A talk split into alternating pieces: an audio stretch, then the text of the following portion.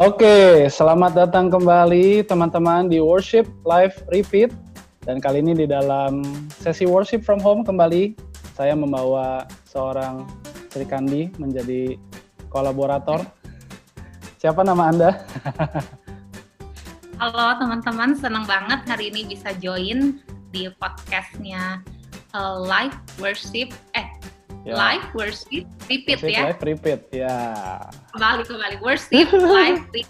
Ya, kenalin Ya. nama saya Elis. Elis, Elis, Elis, Elis di mana Anda berada? Ada saya stay di Bandung, pelayanan di Ah. Kampung Bandung.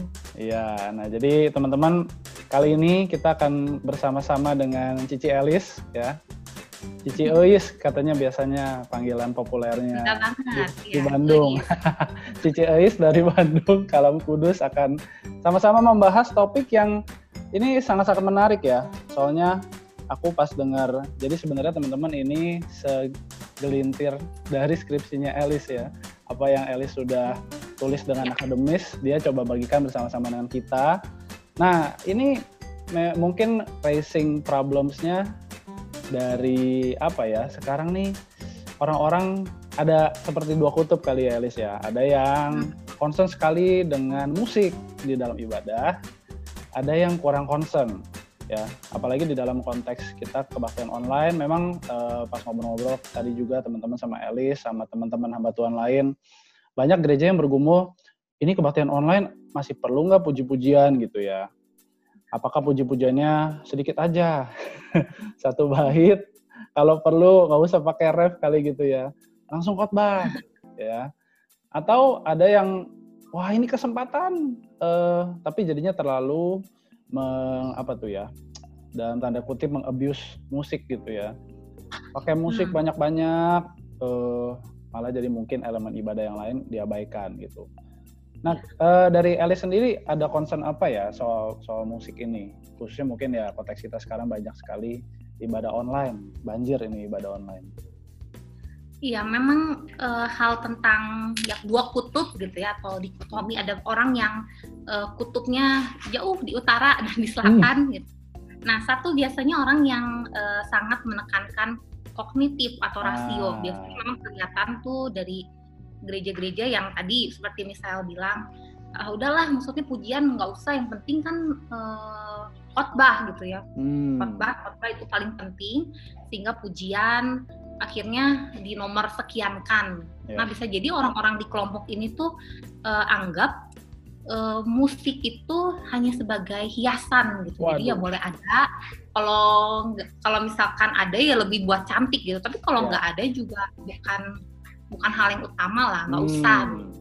Oke. Nah, tapi satu sisi juga memang ada juga orang gereja-gereja yang sangat menekankan eh, pengalaman gitu ya, emosi Ya, dalam ya, ibadah itu ya. dianggap penting sekali sehingga akhirnya mereka berusaha gimana sedemikian rupa mau Hmm. menciptakan suasana ibadah yang eh, ya maksudnya harus bisa ada sesuatu nih, maksudnya harus Hmm. mengalami sesuatu gitu, fokus Emosional ya dalam tanda kutip ya.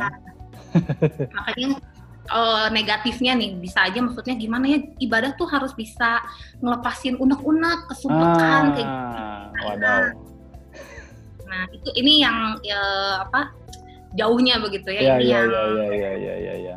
eh, sangat apa istilahnya eh Ada gap, ya, misalnya, ada gap ya. ya eh, Ya, ya, ya, ya. kemudian kalau kita lihat di sini penerapannya memang akhirnya musik itu diutamakan karena dianggap musik itu dipercaya bisa merangsang emosi-emosi di dalam Hmm. ibadah. Mm-mm, Ya itu mm-mm, kira-kira ada dikotomi seperti itu. Iya, iya, iya. Nah, di dalam menyikapi dikotomi ini, ya itu ya ada gap itu di satu sisi ada gereja-gereja tertentu yang eh, menjadikan musik itu, ya itu ya hiasan. Hiasan itu kan perlu nggak perlu berarti kan ya. Atau di satu sisi juga eh, mereka terlalu abusive dengan musik, jadinya eh, hal-hal lain tidak dipentingkan dan sebenarnya akhirnya musiknya itu sendiri nggak jadi berkat di dalam ibadah. Ya. Iya. Nah ini kira-kira di menjembatani ini nih sebenarnya ada nggak ya sesuatu yang bisa kita eh, lihat di dalam aspek emosi Hmm. kali khususnya ya gitu ya. Iya. Nah, memang permasalahan yang muncul ini sebenarnya tuh uh, ya khususnya di yang tadi ya ada yang emosi begitu mengutamakan hmm. emosi bisa terjadi gini timbulnya emosi-emosi yang nggak tepat gitu cenderung ah. liar karena disebabkan musik yang dimainkan di dalam ibadah. Ya, ya, ya, nah betul. memang hal ini tuh dikarenakan kurangnya pemahaman atau kognitif yang benar. Ah. Padahal ya Miss ya beberapa ahli itu menyatakan begini, uh, ada hal-hal tentang Tuhan itu mm -hmm. uh, tak memang disampaikan melalui musik. Nah, hmm. ini untuk orang-orang yang uh, sama sekali nggak menganggap ah udahlah musik mah nggak penting yeah, gitu ya, yeah. musik mah cuma hiasan. Beberapa ahli itu nyatain bahwa sebenarnya ada hal-hal tentang Tuhan yang bisa disampaikan melalui musik. musik Jadi kayak yes. Tuhan kasih porsi khusus untuk musik. Mm -hmm. Nah, kemudian orang-orang ini juga percaya, nah termasuk saya juga, saya percaya bahwa keindahan Tuhan dan Tuhan tuh bisa menyampaikan pesan. Ada banyak hal melalui kata-kata kita pengen sampaikan, sebenarnya ya. nggak ya. bisa tersampaikan. Hmm. Kadang ada hal-hal musik itu bisa menyampaikan lebih daripada kata-kata. Kata-kata, yes, yes, yes. Okay. Nah, kalau kita lihat kayak gitu, makanya kita bisa simpulin gini, sebenarnya emosi itu bisa berfungsi sebagai medium kognisi. Ini hmm. agak ya agak uh, istilahnya agak akademis gitu ya. Tapi ini boleh dapat... boleh diulang sekali lagi nih. Ini highlight nih, highlight pertama ya, ya. teman-teman. Ya. Coba dengarkan. Emosi uh, dapat berfungsi sebagai medium kognisi. kognisi. Nah, ya. mantap sekali. Atau dengan kata lain gini, tindakan kognitif itu sebenarnya uh. kadang baru dapat uh, sempurna gitu ya jika ya. dimediasi dengan, dengan emosi emosi yang sehat ya, emosi yang tepat itu ya. Tadi bukan nah. yang apa keluarin unek-unek apalah segala macam. Nah, makanya sebelum itu kita harus uh, sama-sama klarifikasi dulu nih tentang uh, definisi emosinya tuh yeah. kayak apa. Jangan-jangan yes. emosi orang mikir uh, oh emosi eh udah jangan deket-deket dia lagi emosi gitu. Ah. Nah, bukan emosi itu ya, itu emosi yang emosional gitu yeah, kayak yeah, yeah, lagi yeah, marah yeah, atau apa. Bukan, emosi di sini tuh dimaksud bukan emosi kata Indonesia sehari-hari itu. Nah, uh, jadi apa emosi yang dimaksud? Ini kita hmm. anggap emosi itu bukan luapan perasaan. Yang pertama okay. kayak gitu Nah, teman-teman harus perhatiin juga, memang ada kalau di psikologi itu ada kayak dua kelompok juga gitu. Dua kelompok yang satu nganggap emosi hanya luapan perasaan, mm. kemudian yang kedua itu orang-orang yang menganggap emosi itu sebagai uh, salah satu bentuk kognisi. Mm. Nah, itu yang saya ambil tuh yang kedua ini. Yeah, kalau yeah, yang yeah. pertama, contohnya gini, uh, kelompok pertama ya, orang yang bilang emosi sebagai luapan perasaan itu cuma nganggap misalkan kita lagi tegang gitu hmm. emosi lagi tegang ya emosi kita tegang uh, kalau orang yang di kelompok pertama yang anggap hanya luapan perasaan dia bilang gini oh kamu tuh ngerasa tegang karena jantung kamu tuh berdegup kencang ah. kamu tangan kamu getar nah yeah, kamu yeah, itu yeah. makanya kamu rasa tegang kamu lagi ngalamin emosi tegang yeah. jadi dia fokusnya itu hanya uh, luapan perasaan aja mm -hmm. tanpa tahu apa dan juga bodily gitu jadi hanya yeah, secara yeah.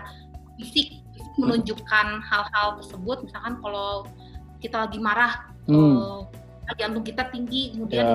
ini kencang gitu yeah. lagi marah ya ya ya ya tapi kalau kelompok orang-orang yang menganggap uh, emosi itu bukan hanya luapan perasaan mereka tuh berpikir bahwa uh, kalau kita bisa tegang hmm. itu karena ada judgment misalkan kita tuh tegang karena kita sebenarnya lagi berhadapan mau nyanyi di depan seribu orang. Oke. Okay.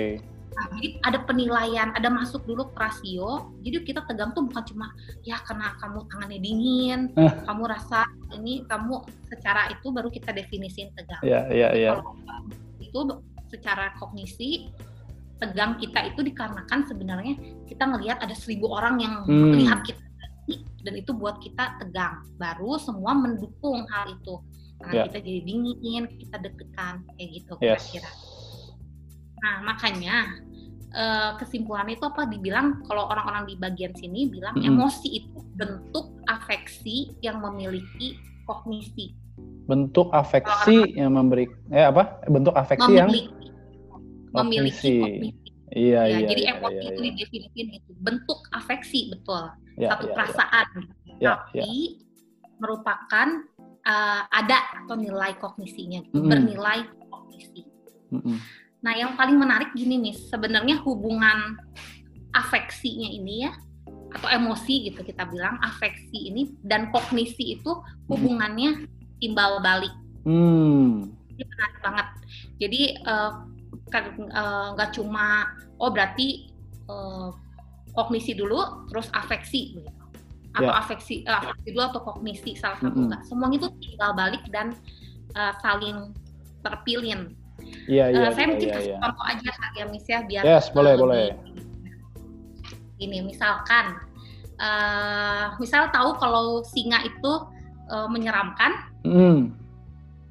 secara umum kita tahu ya, yes, uh, yes. singa itu adalah hewan buas, itu kan mm. pernyataan. Mm. Nah, tapi kalau kita uh, bisa, kenapa kita bisa tahu itu uh, singa itu hewan buas? Mm-hmm. Mungkin karena kita tahu itu singa tuh uh, dari dulu kita dari uh, SD gitu ya, itu masuk ke hewan-hewan buas, hewan-hewan mm. yang ada di hutan. Kemudian, pengetahuan ya, pengetahuan. Pengetahuan. Ya. Karnivora gitu, makannya daging, daging. Gitu, menyenangkan gitu. Jadi kita anggaplah itu hewan buas, itu dari ya. pengetahuan kita, rasio ya. kita menilai begitu. Nah, tapi sebenarnya kita bisa bilang eh, pemahaman kita akan singa itu nggak terlalu eh, luas, nggak terlalu komplit. Komplit. Terlalu komplit. Nah, gimana kita bisa komplit nih? Seorang bisa komplit eh, tahu singa itu hewan yang nyeri, yang buas, hmm. kalau sesekali itu nggak jangan lah ya jangan sampai kita ke hutan dan kita ketemu singa ketemu. terus kita dikejar sama singa kita yeah. tuh ya. ngerasain dengumannya, pengalaman yeah. bahwa kita bertemu gitu sama yeah, singa. Yeah. Hal itu buat kita lebih komplit pemahaman kita mm -hmm. bahwa singa itu hewan yang buas. Jadi ya, pengalaman yeah, yeah, yeah, yeah. itu membuat lebih komplit pemahaman mm -hmm. kita. Mm -hmm. nah, tapi yang menariknya juga gini, kita ceritanya kita udah pernah nih uh, mm -hmm. ke hutan gitu ya, ketemu singa. Mm -hmm. Lebih komplit lagi waktu kita tambah lagi pemahaman wah singa itu ternyata giginya semua gigi taring. Hmm. Kemudian uh, dia sekali makan itu bisa mengoyak-ngoyak kita kita ya. lihat gitu di Discovery Channel di Wild Animal. gitu. yeah, yeah, yeah, yeah. itu akan tambah lagi membuat uh, afeksi kita meningkat dan pemahaman kita meningkat. Jadi ya. terus makanya itu uh, saling terpilin. Mm, mm, Akhirnya hmm. pemahaman itu afeksi, kognisi, ya, afeksi. Iya, iya, iya, iya makanya penting juga di dalam teori kognisi emosi mm -hmm. kita itu harus punya objek harus okay. ada objek iya iya itu iya, harus iya. ada objek sesuatu yang memang jadi uh, apa yang kita mau uh, salurkan emosi kita mm -hmm. objeknya apa objek dari emosinya yeah, tapi yeah. di ibadah tentu tahu ya nanti tapi kita bahas gitu di mana yeah. di ibadah apa objeknya kira-kira gitu misal yeah, yeah, tentang yeah, yeah. Uh, apa kognisi dan kognisi emosi. dan emosi itu ya. Nah itu memang jadi. Ya. Nah teman-teman kalau perhatiin ya, ini banyak-banyak istilah yang memang tadi Alice bilang akademis, tapi ini hmm. harusnya memberikan pemahaman kepada kita bahwa uh, afeksi, apalagi ada nilai kognisi itu di dalamnya ya. Ternyata memang ya kita hidup sebagai manusia tidak bisa memisahkan dua hal itu, ya. Dan uh, kedua hal itu terus berjalan bersamaan apa tuh tadi istilahnya terpilin itu ya, ya. intertwine ya, intertwine uh, satu sama lain dan membentuk pengalaman kita. Nah, hmm. di dalam ibadah nih kita boleh langsung masuk ya, khususnya di dalam musik. Nah, kira-kira gimana tuh eh, melihat musik dari sisi itu, gitu? Ya, nah memang uh, sedikit sebelum ke bagian uh. musik itu ya. hal tentang uh, pemahaman ini ya pemahaman hmm. uh, emosi dan afeksi ini sebenarnya ya. sangat alkitabiah hmm. mungkin untuk uh, misal ini sebenarnya jauh ini teman-teman yang di teologi ini jauh bisa mendalami tentang hal ini okay. yada dan ginosko ya satu ah, kata ah. di Alkitab itu tentang yada dan uh, ginosko ya. ini memang sering kali diterjemahkan sebagai mengetahui hmm. mengetahui atau mengenal gitu. Yeah. Nah, tapi padahal sebenarnya arti kata ini tuh lebih intim dari sekedar uh, mengenal. Hmm. Nah, hmm. kalau uh, kita lihat uh, di ada beberapa ahli itu menerjemahkan gini, sebenarnya uh, yada atau ginosko itu adalah knowledge tapi uh, diperoleh dengan cara experience. Hmm. Wow, wow, ya, wow, wow, wow. Oke. Okay. akhirnya uh, diperoleh dengan cara experience. Nah, ya. kalau kita lihat definisi itu, ya kesimpulan yang diambil adalah konsep Alkitab juga mengajarkan pentingnya pengalaman. Pengalaman ya. ini bagian dari afeksi ya. Mm-hmm. Kemudian di dalam pengenalan akan pribadi. Nah, kita tahu mm. pribadi itu adalah uh, Tuhan gitu Tuhan, dalam yes. ya dalam Kristen ataupun di dalam ibadah. Ya. Nah, maka dari itu kalau kita lihat sekarang kita masuk ke uh, di dalam ibadah ini. Mm-hmm pemikiran mengenai kesatuan kognisi sama emosi ini sebenarnya bisa banget diaplikasiin di dalam ibadah, okay. dalam fungsi musik. Dalam fungsi nah, musik, menarik, yes.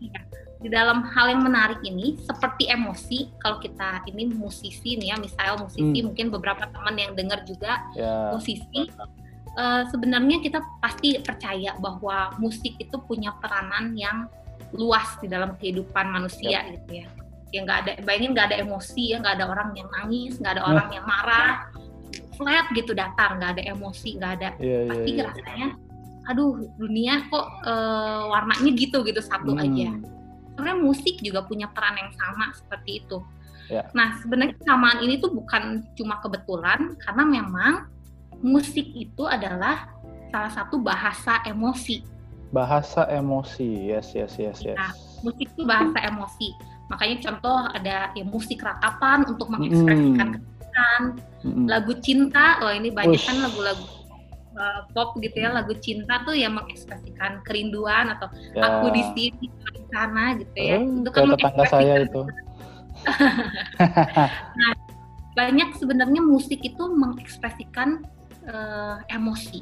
Ya, ya, nah, maka ya. dari itu uh, kita percaya bahwa musik punya kaitan yang dalam dengan emosi hmm. seseorang, hmm. emosional seseorang. Hmm. Nah, tapi ya itu satu bahasa emosi ya. Tapi yang kedua juga kita percaya bahwa sebenarnya musik itu bisa jadi pemicu emosi. Hmm. Ya, ya jadi ya, ya, ya, ya. pemicu emosi. Nah, kita lihat kalau uh, komposer nih ya, uh, sering kali tuh gini mau menyampaikan sesuatu emosi yeah. waktu dia memainkan sebuah lagu. Nah bahkan dia tuh uh, apa ya memasukkan emosi-emosi itu ke dalam sebuah lagu itu. Yeah. Nah, sehingga pendengarnya bisa dengar uh, sesuatu emosi yang disampaikan komposer yeah, atau pemain yeah. lagu. Ya itu juga jadi emosinya dia. Yes, kan, betul uh, suara yang tom tom tom hmm. gitu ya sesuatu yang megah gitu wah ada satu kekaguman muncul gitu hmm. jadi secara nggak langsung waktu musik dimainkan itu juga memicu emosi seseorang dapat yeah. memicu eh, emosi seseorang nah sebelum jauh lagi hmm. kita mau sama-sama juga uh, klarifikasi samain juga yeah. tentang sub definisi musik di sini ah. nah di sini musiknya itu berarti bukan cuma sekedar bunyi karena memang banyak okay. definisi ya tentang musik ya jadi pokoknya asalkan ada bunyi-bunyian uh. itu udah dimaksud dengan musik nah tapi dalam bagian ini musiknya itu definisinya bukan sekedar asal ada bunyi itu hmm. musik nah tapi apa kalau musik di dalam uh, bagian secara kognitif emosi kita punya uh, satu definisi itu adalah meaningful organized patterns of pitch sound. Jadi Waduh. kita boleh boleh diulang sekali lagi. Meaningful, uh, organized, organized, pattern yeah. of pitch sound. Hmm. Jadi bunyi-bunyian yang memang dirancang khusus untuk yeah. memiliki arti. Jadi bagi uh, kita ini yang percaya, yang ambil definisi ini, hmm. kita tuh percaya bahwa komposer tahu jelas suara dan efek seperti apa yang ingin yeah. dihasilkan. Ya, ya, Jadi ya, bukan ya. cuma ah yang penting ada suara gitu enggak. Hmm. Tapi komposer itu jelas tahu dia tuh mau menyampaikan apa, dia kenapa pakai suara ini, hmm. efeknya seperti apa itu tahu. Jadi organized, benar-benar ya, meaningful. Ya, ya. Hmm. Sound itu bunyi-bunyi itu tuh benar-benar diarahkan, dirancang hmm. sedemikian. Ya, ya, ya, ya, ya. Definisi ini tuh nunjukin uh, musik punya aspek kognitif di dalamnya. Hmm. Oh ya, nah ini mungkin uh, hal ini selama ini sih kita sering tahu lah ya seliweran tapi tidak pernah betul-betul paham bahwa ini adalah aspek kognisi dari musik. Ya, betul, ya, betul ya, banget. Ya, ya, ya, ya. Ya kalau Menarik, kita ini menarik. musik gitu ya, eh, ya kalau kita dengar satu musik kan biasa ada ritm, Ya, ada eh, melodi, ah, ada harmoni, gitu ya, ada Ya. timbre mungkin kalau ya jelas banyak gitu aspeknya Ya. unsur-unsurnya. yes. Nah bagi eh, musik secara kognitif emosi ini, Mm-mm. setiap unsur itu itu jelas punya eh, maksud. Ya. Contoh kita ya ritme ya, Mm-mm. ritme kalau empat per empat kan tak tak tak tak Ya, tak nah gitu. Kalau kita eh, musiknya satu eh, satu tiga tekanannya mm-mm. Tak. tak atau dua empat itu udah Ya. punya ini makna yang berbeda ya. Iya, iya, iya. beda gitu sama tak tak sama tak tak itu udah Ya, punya eh, efek beda. Nah kemudian kalau kita tempo eh, cepat hmm, tat, lagu yang eh, gembira gitu kita Hmm. bisa bilang. Kalau lagunya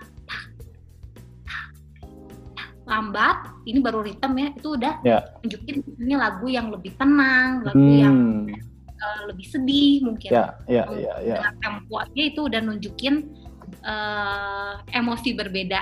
Hmm, hmm, hmm, hmm, hmm. Ya, ya, ya, ya. Kemudian mungkin kalau eh, ritme yang eh, rumit gitu ya, kita bisa iniin kegelisahan atau apa. Jadi Ah, sebenarnya dari ritme aja juga ada banyak efeknya gitu. Ya, Bisa ya, nyampain hal yang berbeda. hmm, hmm, hmm, Nah, hmm, hmm. Kemudian ada apalagi selain ritme melodi. melodi, yes. Tentang melodi ini kan ada tentang pitch gitu ya. Mm-mm. Tentang pitch ini eh, untuk kognitif emosi mereka percaya setiap melodi itu ada satu titik gitu. Oh, dan dimensional. Jadi ya dimensional bayangin dan ta, do do Iya, iya. itu dari titik rendah ah, ah. ke tinggi gitu. ya, ya, ya, ya. Ini salah satu hal yang nunjukin bahwa musik tuh objektif.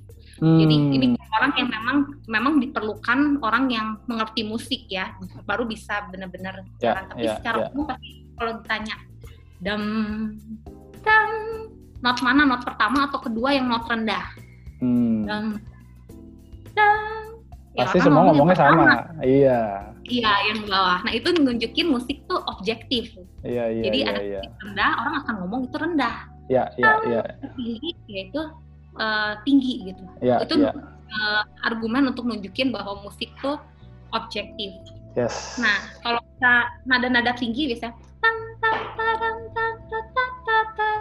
biasanya nunjukin lebih happy gitu ya, satu Hmm. lebih eh asik gitu mungkin kalau Ya, nada-nada ya, tinggi ya, ya. ya, kalau ya. piano atas mungkin kita isi untuk lagu yang lebih lebih happy. Ya, Kalau lagunya lebih dum dum dum dum, mungkin itu lebih tenang, hmm, nunjukin mungkin hikmat, ya. nunjukin eh, mungkin kesedihan juga mungkin di bawah Bisa juga Hmm. di bawah, yes. ya itu nunjukin juga emosi lagi sekali lagi Ya, musik ya, itu ya, bisa ya. jadi uh, medium uh, medium emosi gitu.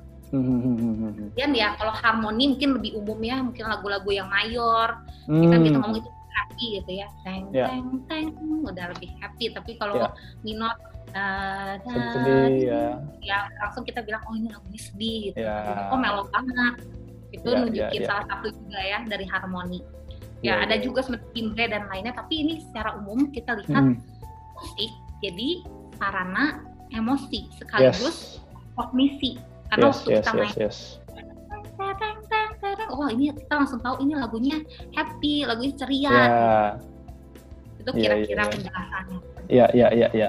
Nah ini menariknya nih.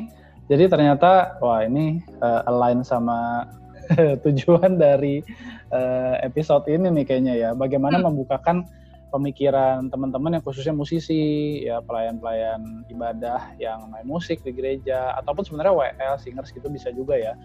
Bahwa betul. setiap kali kita pelayanan, kita mesti betul-betul eh, bahasa sederhananya atur ya. Hmm, Atur kita Betul. punya aransemen, atur kita punya eh, lagu. Jadi Hmm. aspek kognisi itu kita terapkan di dalam bagaimana kita mengatur uh, setiap lagu, setiap aransemen, pemakaian instrumen, sehingga, nah itu tadi dibilang ada aspek emosi yang tepat disampaikan melalui permainan musik kita gitu ya. ya. Nah dan ini harusnya ya, harusnya ini berarti bisa menjadi media mendidik jemaat. Betul. Ya. Media untuk mendidik jemaat. Iya, iya, iya.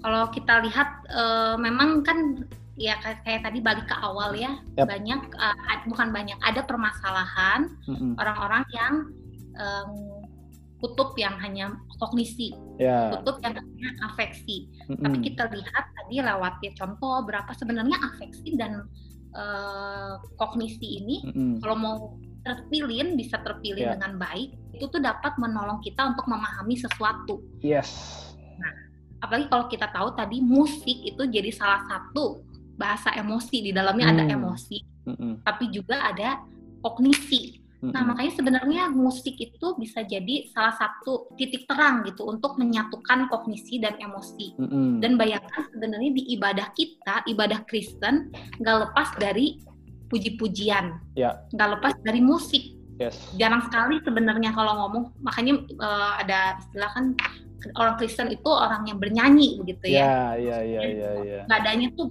aduh benar-benar penuh dengan musik itu bukan yeah. suatu kebetulan Tuhan tuh yes. kasih porsi sekali lagi di dalam musik nah salah satunya memang untuk menjadi media uh, tadi misalnya bilang istilahnya untuk pengajaran begitu ya, hmm, ya pengajaran yes nah kenapa ya, saya ya. juga setuju sekali dengan hal itu karena sebenarnya musik yang baik mm -hmm.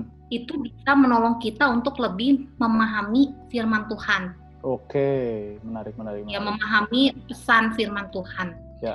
Nah, contoh misalkan gini ya, eh, di Mazmur 46 ayat 4, coba ya kita buka ya. Mazmur 46 ayat 4. Itu ada 46 ayat 5, sorry. 46 ayat 5, firman Tuhan tuh uh, begini bunyinya. Kota Allah, kediaman yang maha tinggi, mm. disukakan oleh aliran-aliran sebuah sungai. Mm. Kalau kita eh, misalkan baca ayat itu gitu ya, kota Allah kediaman yang maha tinggi, disukakan oleh aliran-aliran sebuah sungai. Apa ya kita baca sekali maksudnya ayat itu kayak gimana ya maksudnya? Terlalu puitis ya. Allah, uh, disukakan oleh aliran-aliran sebuah sungai gitu. Yeah. Tapi kalau misalkan uh, saya bayangin misalkan mus ada satu musik ya ini ayat ini tuh mungkin bisa digambarkan dengan uh, tadi dada tadi dada ya, ya, ya. oh itu ada satu aliran ya. kemudian ada satu ekspresi uh, joy tapi joy. juga ada satu ekspresi hope begitu karena kota Allah terus kemudian ada hmm. uh, sungai yang mengaliri dengan hmm. satu uh, sukacita begitu ya, ya, ya, ya, ya, ya, ya sungai itu contoh kecil gitu gimana hmm. uh, musik itu ada part untuk bisa menjelaskan gitu menolong hmm. kita ya, untuk ya, bisa betul. memahami uh, firman Tuhan. Hmm. Tapi satu sisi jangan lupa juga bahwa musik itu bisa jadi juga uh, pengalaman untuk kehadiran Allah. Oh, ya, iya, pengalaman kehadiran Allah. Ya, ya, kan ya, kita ya. percaya bahwa uh, Allah itu uh, transenden, kemudian Allah itu misterius gitu. Ya. Nah banyak kalau kita cuma ngomong Allah kita itu misterius, Allah kita tuh di sana kekal jauh besar, ya ya oke okay, sebatas itu kita tahu. Mm -hmm. Tapi waktu musik bisa menolong menciptakan satu misal ini pinter nih ya buat buat kayak begini maksudnya dan dan buat hmm. satu musik yang uh, megah dengan yang range-nya mungkin diperjauh begitu kemudian ya itu udah masuk teknis ya iya iya ya, uh, menolong kita untuk dapat memahami begitu memahami hmm.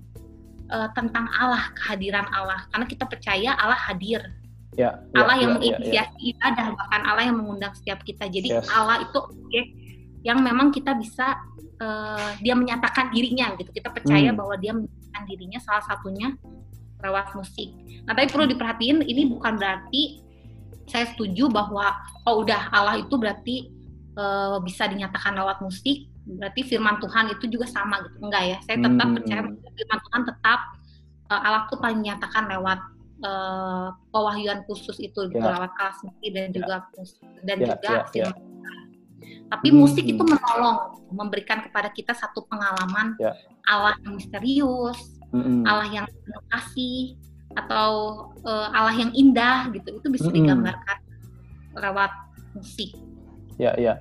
Ya ini teman-teman juga perlu paham bahwa musik itu ya itu tadi ya dengan uh, syarat-syaratnya bahwa kita mesti benar-benar siapin, mesti uh, ada organize ya, terorganisasi ya. dengan baik, terus sehingga itu menjadi sebuah media medium yang meaningful untuk kita boleh mengenal Tuhan, mengalami Tuhan dan bahkan itu tadi ya uh, sampai hal-hal yang tidak bisa disampaikan dengan kata-kata hmm. itu bisa disampaikan melalui musik gitu.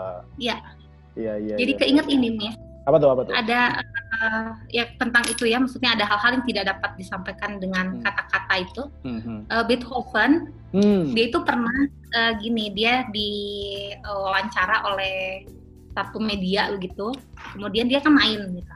Dia main udah selesai main kemudian reporternya tanya iya uh, Beethoven kamu tadi uh, mainin lagu tentang apa sih kamu tadi ceritain tentang apa gitu musik kamu kemudian apa yang dilakuin Beethoven dia hanya kembali lagi ke pianonya hmm. kemudian dia mainin satu kali lagi dia nggak yeah. ngomong satu kata pun karena hmm. bagi dia musik itu bisa berbicara ya ini yeah, yang mau yeah. saya sampaikan itu musik saya ini juga kayak Mendelssohn itu juga dia kan yeah. uh, banyak juga nyiptain Eh, lagu-lagu gerejawi begitu ya ujian uh, gereja untuk gereja dia juga punya satu album tentang song without words tapi ini oh. bukan lagu gereja dia juga percaya oh. ada banyak hal yang saya nggak perlu pakai kata-kata untuk uh, nyeritain itu untuk nyampain itu hmm. saya mainkan dengan musik saya iya iya iya iya tapi makanya ini kita bisa lihat poin uh, ya ya gimana gimana ya kalau lihat poin ini makanya kita bisa uh, lihat musik tuh penting banget di dalam yeah. ibadah gitu. Bisa yeah. menyampaikan banyak hal yang bisa dipakai untuk bisa edukasi jemaat tadi mm. lewat uh, musik gitu karena banyak hal yang bisa disampaikan melalui musik. Tapi dengan catatannya itu ya, betul-betul harus perhatiin bagaimana musik itu bisa jadi meaningful ya. Iya, betul. Jangan sampai nah dan ini mungkin jadi refleksi evaluasi juga buat kita ya yang uh, sering pelayanan musik selama ini hmm. apakah kita betul-betul persiapan ya nah kita bisa bisa bisa masuk mungkin ntar Elis bisa kasih tips-tips tips-tips teknis ya. uh, persiap bagaimana mempersiapkan musik yang meaningful mempersiapkan musik yang bisa menjadi media untuk uh, apa penyampai media penyampai firman Tuhan itu ya kan hmm. dan juga bisa yaitu uh, me, me, menjadi bahasa emosi dalam artian bahasa yang sehat ya karena kan kita ya. juga beribadah ada ekspresinya tuh ya. Hmm. Iya. Nah gimana nih? Mungkin Elis ada uh, pengalaman yang bisa di-sharingin atau tips-tips tips-tips praktis? Iya. Yeah. Mungkin untuk para pemusik gitu ya, para musisi ibadah, yang uh, poin yang penting dulu berarti kita hmm. harus ngerti sebenarnya waktu kita lagi pelayanan itu hmm. uh, firman Tuhannya itu berbicara apa. Jadi kita bukan ah. cuma sekedar oke okay, musiknya ini kita harus tahu karena kita kan sama-sama nih mau uh, mendukung uh, firman begitu ya nanti penyampaian dari khotbah ya. demikian kita harus ngerti firman Tuhan itu uh, mau menyampaikan apa begitu ya, ini ya. Uh, agak kurang kadang jujur maksudnya hmm. pemusik itu lebih penting not bukannya notnya apa uh. kadang jujur juga banyak juga pemusik yang nggak tahu teks lagunya kayak apa ya. yang penting notnya kita tahu kita mikirin gimana uh, oh iyalah pokoknya ini nanti notnya yang yang gimana lagunya cuma da da da da da da da oh pokoknya notnya gitu. kadang nggak tahu teknik apa pun di dalam iya, iya, ujian itu iya, nggak tahu jadi memang pertama itu kita harus tahu firman Tuhan waktu yang kita pelayanan itu yeah. uh, tentang apa gitu. Yeah. Kemudian kalau di dalam liturgi yang lebih kayak ketat, yang lebih jelas begitu, mm. uh, ini lagi bagian apa? Pengagungan kah? Ah. Ini lagi pengagungan kah? Yes. Ini lagi uh, persiapan firman, ini lagi syukur, persembahan yeah. syukur atau yeah. apa liturgi-liturgi itu harus kita kuasai juga gitu. Kita harus jelas tahu karena itu akan menolong kita untuk dapat menyampaikan hmm. mengekspresikan emosi yang tepat. Hmm. Lagi pengagungan tapi uh, kita mainnya lebih misalkan lagu apa ya? Lagu yang tadi apa? Sungguh besar tawallaku. Lagu apa Miss? Oh iya tadi. Oh ini apa? Uh, Praise to the Lord ya. Ya, misalkan lagu itu ya, ya tapi uh, seharusnya kan kalau mau teng teng teng teng teng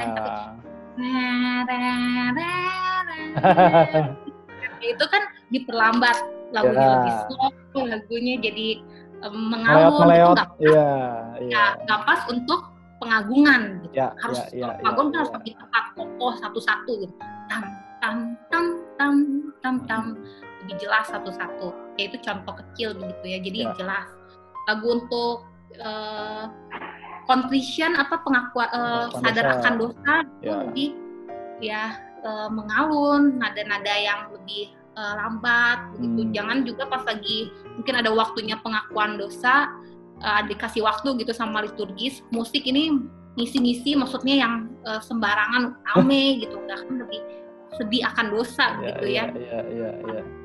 Jadi ya itu hal-hal praktis kecil tapi sebenarnya itu menolong. Gitu. Ah itu, dia. Besar. Iya iya iya iya. Hal-hal memahami ya. ya. Oke. Okay. Apalagi Kemudian, apalagi? Ya kalau untuk liturgis ya jelas kita harus memilih pujian itu termasuk teks dan musik ya di dalamnya hmm. yang sesuai dengan nats firman Tuhan. Ya, Tapi ya. ya bersyukur kalau di gereja-gereja yang memang uh, ada hamba Tuhan khusus bagian ibadah, bagian hmm. musik yang dipilihkan gitu. Jadi ya. secara teologi tepat. Gitu.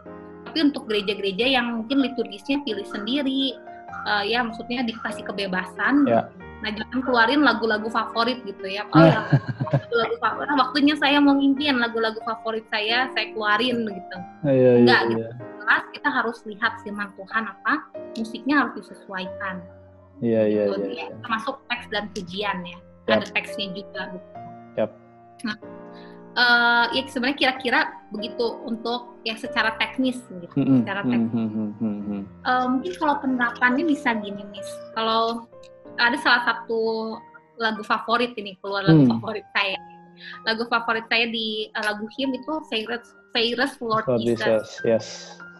Fairest Lord Jesus uh, bagi saya ini satu lagu yang uh, bagus gitu, lagu yang indah.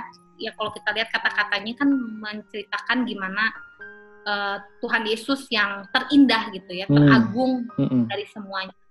Nah, kalau misalkan kita mainin uh, lagu ini, misalkan di dalam ibadah kita lihat uh, mungkin kita akan pilih lagu waktu uh, mainin lagu ini lagu yang uh, apa aransemen yang agung gitu aransemen yang agung terus ada juga tapi aransemennya juga uh, yang indah yang manis gitu karena the sweetest Jesus Sweet, uh, yeah, yeah, yeah.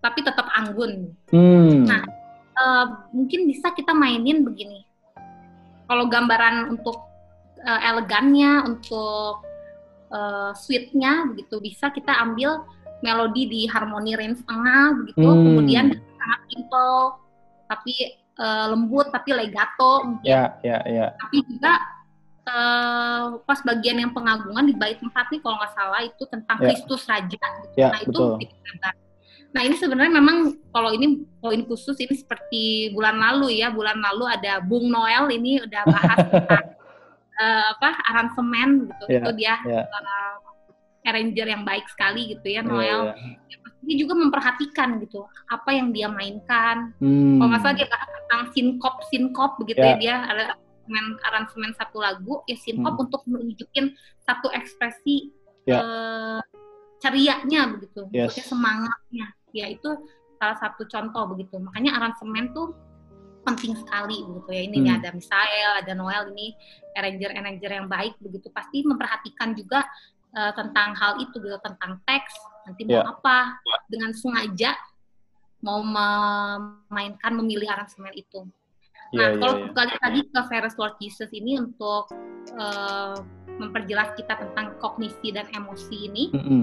Nah bayangin gini, mungkin kita, aduh oke okay lah Tuhan tuh agung gitu ya, Tuhan bisa dimainkan dengan uh, range setengah tadi, dengan melodi yeah. yang legato. Tapi pemahaman itu akan lebih jelas waktu mungkin kita baca di Wahyu pertama, mm. Wahyu pertama bisa baca tentang uh, kemegahan Kristus gitu di yeah. Wahyu pertama itu ada di ayat-ayat 7 sampai 13 gitu kira-kira digambarin tentang pribadi Kristus yang dinyatakan di dalam Alkitab digambarin kata Kristus dengan awan-awan, diliputi tujuh kaki dian dari emas, hmm. pakaian juga panjang, dada berlikat uh, berlilitkan ikat pinggang emas, kepala dan rambut berwarna putih dan ada gitu jelasan-penjelasan nyala api. Nah, yeah, itu waktu yeah. kita memahami firman itu menolong kita untuk bisa lebih mengaransemen oh ya Tuhan tuh megah hmm. baik ada api dengan api berlilitkan emas dan lain sebagainya.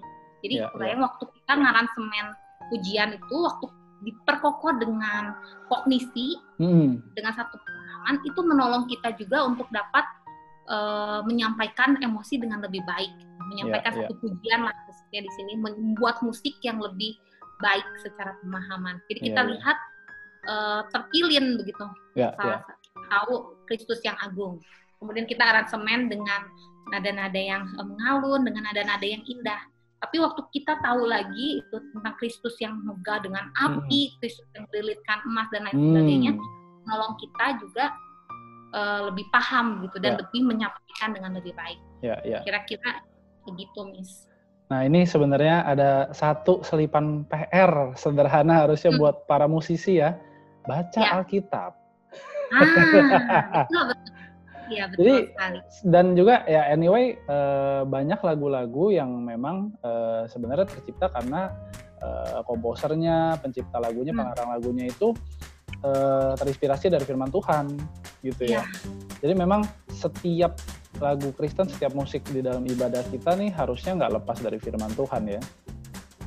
Iya ini, ini PR nih, PR PR PR yang sering diabaikan oleh para musisi-musisi baca Alkitab. Teman-teman ya. Sekali lagi baca Alkitab ya. Nggak ada giveaway-nya nggak ada rewardnya tapi ini rewardnya adalah kita bisa betul-betul memahami bagaimana kita mengarahkan musik. Oke. Iya, mantap mantap mantap nah Elis boleh kasih satu closing statement atau pesan-pesan buat teman-teman nih yang dari tadi mungkin uh, tertohok-tohok waduh gue selama ini belum mikir aransemen sampai segitunya belum benar-benar baca Alkitab Iya iya iya. Ya. Gimana gimana? Uh, ya mungkin dengan anugerah Tuhan ya kiranya setiap kita orang yang terlibat di dalam musik ibadah itu hmm. menyadari akan adanya kekuatan di dalam musik hmm. tersebut dan ya mohon Tuhan kasih hikmat kerendahan hati untuk kita bisa menggunakan dengan tepat ya. dan bijak sehingga musik yang dapat jadi sarana bagi orang Kristen itu uh, bisa membuat jemaat itu semakin bertumbuh mengenal hmm. Allah kita yang begitu agung. Ya, ya, ya biar ya. Tuhan tolong setiap kita gitu. segala kemuliaan bagi Tuhan. Amin. Wah, mantap. Nah, itu pesan-pesannya teman-teman ya. Kalian bisa bertumbuh makin kenal Tuhan melalui musik yang betul-betul dipersiapkan dengan baik. Jemaat juga boleh dibawa untuk bertumbuh, semakin kenal Tuhan melalui setiap pelayanan kita, khususnya pelayanan musik yang betul-betul dipersiapkan dengan baik untuk kemuliaan Tuhan. Oke, okay. thank you Elis sudah berkolaborasi, sudah berbagi ilmu. Sebenarnya kayaknya satu sesi nggak cukup ini ya. Panjang. Itu, ya overview ya. Overview ya. Ntar uh, siapa ya. tahu sesi-sesi berikutnya. Oke, okay, thank you Elis. Dan thank you, you. teman-teman semua yang udah mendengarkan uh, Worship from Home kali ini dan sampai jumpa di Worship Live Repeat berikutnya. Bye-bye. Bye.